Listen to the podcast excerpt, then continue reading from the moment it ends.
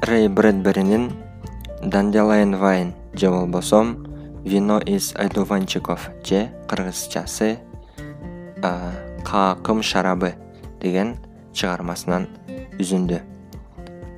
Бул рэй брэдберинин чыгармасын кыргызчага которгон исламбек ашырмаматов эки миң жыйырманчы жыл апрель айы ульсан шаары түштүк корея.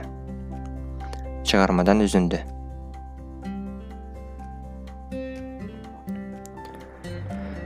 балдар менен бул нерсенин кантип башталганын улгайып калган бентли айым эч эстей албас. Аларды көп эле жолу азык түлүк дүкөнүндө капусталардын же асылып турган банандардын арасында жүргөн майда чымындар же маймылдар сыяктуу көрчү. Аларга жылмайып өтчү. Алар да ага жооп кылып жылмайышаар эле. Бентли айым алардын кыштын кырына кыштын каарына бут издер кыштын карына бут издерин калтырып жатышканын күзгү туманды көкүрөктөрүнө толтуруп алышканын жаздын алма гүлүн күйүп жатканын күбө болгон. Бирок алардан корккон эмес. Өзүнө окшоп анын үйү эң бир тыккан баары өз жайында эле тыкан өз жайында эле. Полдору жылтыратып ачылган азык түлүктөрү камдалган шляпанын ийнелери түйүнчөккө сайылып тизилген жана анын уктоочу бөлмөсүндө тартмаларда жылдардан бери чогулуп келген өзүнүн нерселери менен толгон. Бентли айым сактоочу болгон. Билеттерин эски театр программаларын торлуу оймолорун шарфтарын темир жол билеттерин анын узак жашоосун чагылдырган баардыгын сактап койгон. Менде бир топ пластинкалар бар деп калчу мына карузо бул миң тогуз жүз он алты нью йоркто анда мен алтымышта элем. Джон али тирүү болчу. А мына жун мун миң тогуз жүз жыйырма төрт. Менимче жон каза болгондон кийин эле болсо керек. Бул анын жашоосунда чоң өкүнүчү эле.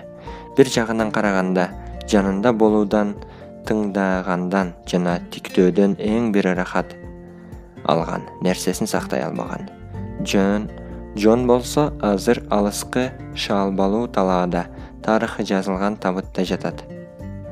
Ал жер астына жашырылып коюлган.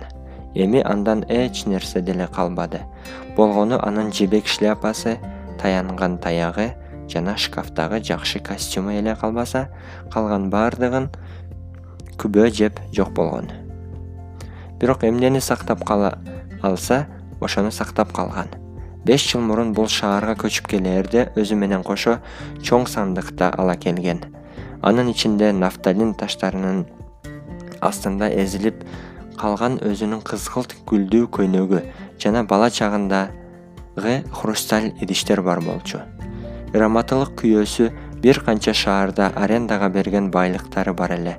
Анан саргайып калган пил сөөгүнөн жасалган шахмат фигуралары сыяктуу акырындан жылып жүрүп биринин артынан башкасын сатып отуруп болгону азыр караңгы түрү суук бош калган. Атам замандагы зоопарктагы жаныбарга окшоп бурчта сандыгы жана шкафы менен акыры ушул чоочун шаарга келип калды. Баягы балдар менен болгон окуя жайдын орто ченинде эле. Эшигинин астындагы чырмоок гүлдөрүн суугарганы чыккан бентли айым чачтары жайылган эки кыз менен бир бала короосунда чөптү жыргап отурганын көрүп калды. Бентли айым сары түстүү жүзү менен аларга жылмайып күлүп жаткан убакта бурчта балмуздак саткан арабасы менен чыга келди. Так эле эльфтердин оркестриндей элдин баарын чакырайган муздак мелодиясын чалып кирди. Хрусталь бокалдарын чертип жаткан сыяктуу. Балдар ордуларынан туруп күн карама күнгө бурулгандай баштарын ошол жакка бурушту балмуздак каалайсыңарбы? деп кыйкырды. Эй бул тарапка. Балмуздак арабасы токтоду. Ал акчасын чыныгы балмуздакка алмаштырды. Балдар ага муз болгон эриндери менен ырахат айтышты да аларды көздөрү алардын көздөрү айымдын бутунан баштап аппак чачына чейин жүгүрүп өттү. Кичине жебейсизби? деп бала сурады. Жок балам мен карып калбадымбы? Анан үшүкчөөл дагымын эң ысык күндөр да мени ысыта албайт деп күлүп жиберди бентли айым. Колундагы бал муздактарын алып үчөө эшиктин астындагы көлөкөгө келип тизилип отурушту мен элис бул джейн а бул том сполдинг. Сонунго а мен бентли айым. Башкалар элен дешет балдар таңыркап тиктеп калышты. Мени элен деп айтышарына ишенбей жатасыңарбы? деп сурады бентли айым улгайып калган аялдар өз аты бар экенин билбечү элем. Кыздарма батыш маданиятында кичүүлөр чоңдордун фамилиясын фамилиясына айым же мырза деген сөздөрдү кошуп кайрылышат. Бентли айым жөн гана күлүп койду.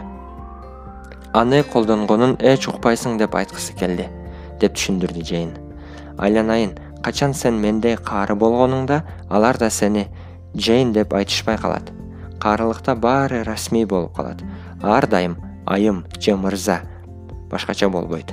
Жаштар каарып калганда сени элен деп айтышпай бул урматсыздык болуп калат. Ошондуктан алар сага айым же мырза дешет. Канча жаштасыз деп сурады элис. Мен птеродактилди дагы эстеймин. Бентли айым жылмайды. Жок бирок чынында канча? Жетимиш экиде балдар таңыркап бал муздактарын көккө ишмеп отуруп калышты. Бул каарылык деди том. Азыр өзүмдү силердин жашыңарда болгонумдан эч айырмасын сезбей жатам деди улгайып калган айым. Биздин жашыбызда? Ооба мен да бир кезде силердей джейн менен элистей болуп кичинекей ширин кыз болгом. Балдар унчукпады. Эмне болду? Эч нерсе. Джейн кеткени ордунан турду. Эй эми элеби кетип жатасың. Сен дагы деле жеп бүтпөдүң го. Бир нерсе болду. Бир нерсеби болду. Апам жалган сүйлөгөн жакшы эмес экенин айтат деп шыбырап койду джейн. Албетте жакшы эмес бул өтө жаман деп бентли айым анын сөзүн ырастап койду. Анан жалгандарды уккан дагы. Ким жалган айтып жатат джейн? Джейн бентли айымды карады да кабагын салып башкача жакты карап башка жакты карап сиз жалган айттыңыз эмнени бентли айым күлүп жиберди. Бырыш баскан колун көкүрөгүнө алды. Эмнени жаман айттым? Өзүңүз жөнүндө кичинекей кыз болгом деп. Бентли айым катып калды. Бирок чынында көп жыл мурун силердей кичинекей кыз болгонмун да жүр кеттик элис том токтосоңор деди бентли айым. Мага ишенбей жатасыңарбы? Билбейм деди джейн жок. Бирок бул күлкүмүштүү да. Бул айдан ачык болуп турбайбы? Баары бир кезде жаш болгон. Бирок сиз эмес деп джейн шыбырап айтты. Башын жерге салып өзүнө айткандай. Бош калган балмуздак таякчасы жердеги ванила тамчыларынын үстүнө түштү. Бирок албетте мен дагы силер сыяктуу эле сегиз тогуз он жашта болгом. Тиги эки кыз кыскача кыткылыктап күлүп токтоп калышты бентли айымдын көздөрү булбулдап жанып кетти. Эх мейли таңымды он жаштагылар менен талашып бош өткөрбөйүн айтпасам деле мен да бир убакта он жашта болгом жана так ушундай акылсыз элем. Эки кыз күлүп коюшса том оңтойсуз карады. Бизди тамаша кылып жатасыз джейн кыткырып күлдү. Сиз чынында эч ондо болгон эмессиз да андай эмеспи бентли айым үйүңөргө жөнөгүлө деп бирден кыйкырып жиберди. Алардын көзүнө карап тура алган жок. Күлө турган эч нерсе жок. Анан чынында сиздин атыңыз элен эмес. Албетте менин атым элен. Жакшы калыңыз деди эки кыз кыткылыктап көлөкө менен короодон өтүп кетишти. Том алардын артынан жаа ээрчип жөнөдү балмуздак үчүн чоң рахмат. Мен да класс ойногом деп алардын артынан кыйкырды эле бентли айым бирок ыйбаак кетип калышкан экен бентли айым калган күнүн да идиш аяктарын кагыштырып жеңил бир түшкү тамагын даярдап жатып ушу шайтан алгырларды күлүп жаткан жеринен кармап каламбы деп улам улам короосуна баш багып жатты. А эгер алар көрүнүп калсачы аларга эмне деп айтат? Эмнеге алар жөнүндө кабатырланышы керек? Ойлонсоң деди бентли айым алдындагы роза гүлдүү чынысын карап. Буга чейин эч ким менин кичине кыз болгонума күмөн санабаган кандай гана акылсыздык жана жийиркеничтүү нерсе. Каарып калганыма өкүнбөймүн чын эле. Бирок бирөө менден балалыгымды алып койгонуна кыжырым келет. Балдар анын көрүнбөгөн аба сыяктуу жаштыгын тоңуп калган колдоруна алып көңдөй дарактардын арасында чуркап баратышканын көрө алды. Кечки тамактан кийин эч себепсиз эле дээрлик эркинен сырткары баягыдай рух сеансындагы көрүнбөгөн кол каптардай анын колдору атыр жыттанган жүз аарчынын ичине белгилүү нерселерди чогултуп жатканын карап турду. Андан кийин үйүнүн астына чыкты да жарым сааттай жылбай кадалып турду. Капысынан кечинде чочуп учкан чымчыктар сыяктуу балдар учуп чыга келди. Бентли айым үнү аларды токтотту бентли айымдын үнү аларды токтотту о бентли айым эшиктин астына келгиле деп аларга буйруду. Кыздар чыгып келишти. Том алардын артынан. Эмне болду бентли айым? Айым дегенде анын өз аты болгон катуу болгондой катуу баса айтышты. Сиздерге көргөзө турган бир канча байлыгым бар. Бентли айым атыр себилген жүз аарчыны ачып өзү биринчи жолу көрүп жаткандай эмне бар экенине кызыгып турду. Чекеси жасалма алмаз таштары жалтыраган кичинекей кооз чач таракты алып чыкты. Тогуз жашымда ушу менен чачымды тарачумун деп түшүндүрдү. Джейн аны колуна алып кандай сонун? Кана көрөлүчү? Элис кыйкырды. А бул кичинекей шакегим. Муну сегиз жашымда тагып жүрдүм деп улантты бентли айым. Азыр манжама батпай калган. Ушуну менен карасаңар жыгылайын деп калган пиза мунарасын көрөсүңөр. Кана ийилип турганын көрөлүчү? Кыздар бири бирине көргөзүп жатты акырында шакек джейндин колуна чак келди. О карасаңар мага туура келди деп кыйкырып жиберди джейн. А мага тарак башыма ылайык экен деп элис мактанды. Мукактанды. Бентли айым баштыктан топ таштарды чыгарды мына деди. Бир кезде ушулар менен ойногом топ таштарды эшиктин астына ыргытты эле жылдыздар болуп жайылатышты а эми муну карагыла кубануу менен өзүнүн сүрөтүн алып чыкты бул анын ишенгени болчу.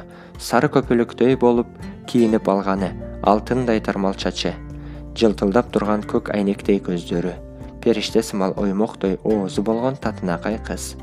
Бентли айымдын жети жашындагы сүрөтү эле. Тиги кичинекей кыз ким? деп джейн сурады. Бул мен эки кыз сүрөттү колунан алып карашты. Бирок бул сизге окшобойт го? деп джейн жай гана айтты.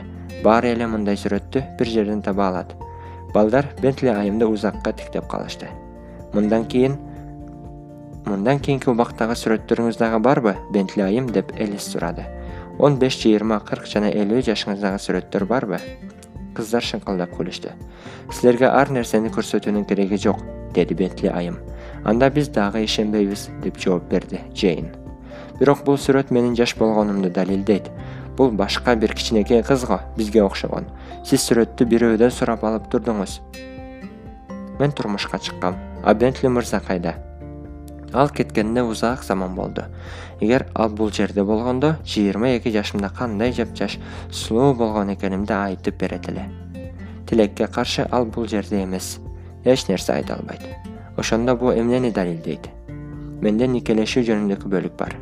Муну дагы башкадан алып тура аласыз да сиздин жаш болгонуңузду ишенүүмө бир гана жол бар деп джейн өзүнө канчалык ишенип турганын билдирүү үчүн көзүн жумуп эгер бирөө сизди он жашыңызда көргөнүн айтса мени миңдеген кишилер көрүшкөн бирок баары башка шаарларда эле жана алар дүйнөдөн өтүп кетишкен деп кичинекей акылсыз десе деп айтты. Бул жерде эч кимди жакшы билбейм. Көчүп келгениме көп жыл болбоду.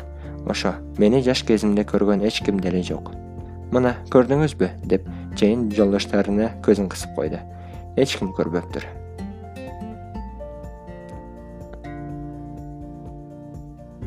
чыгарманын уландысы кийинки подкаст бөлүмдөрдөн уга аласыздар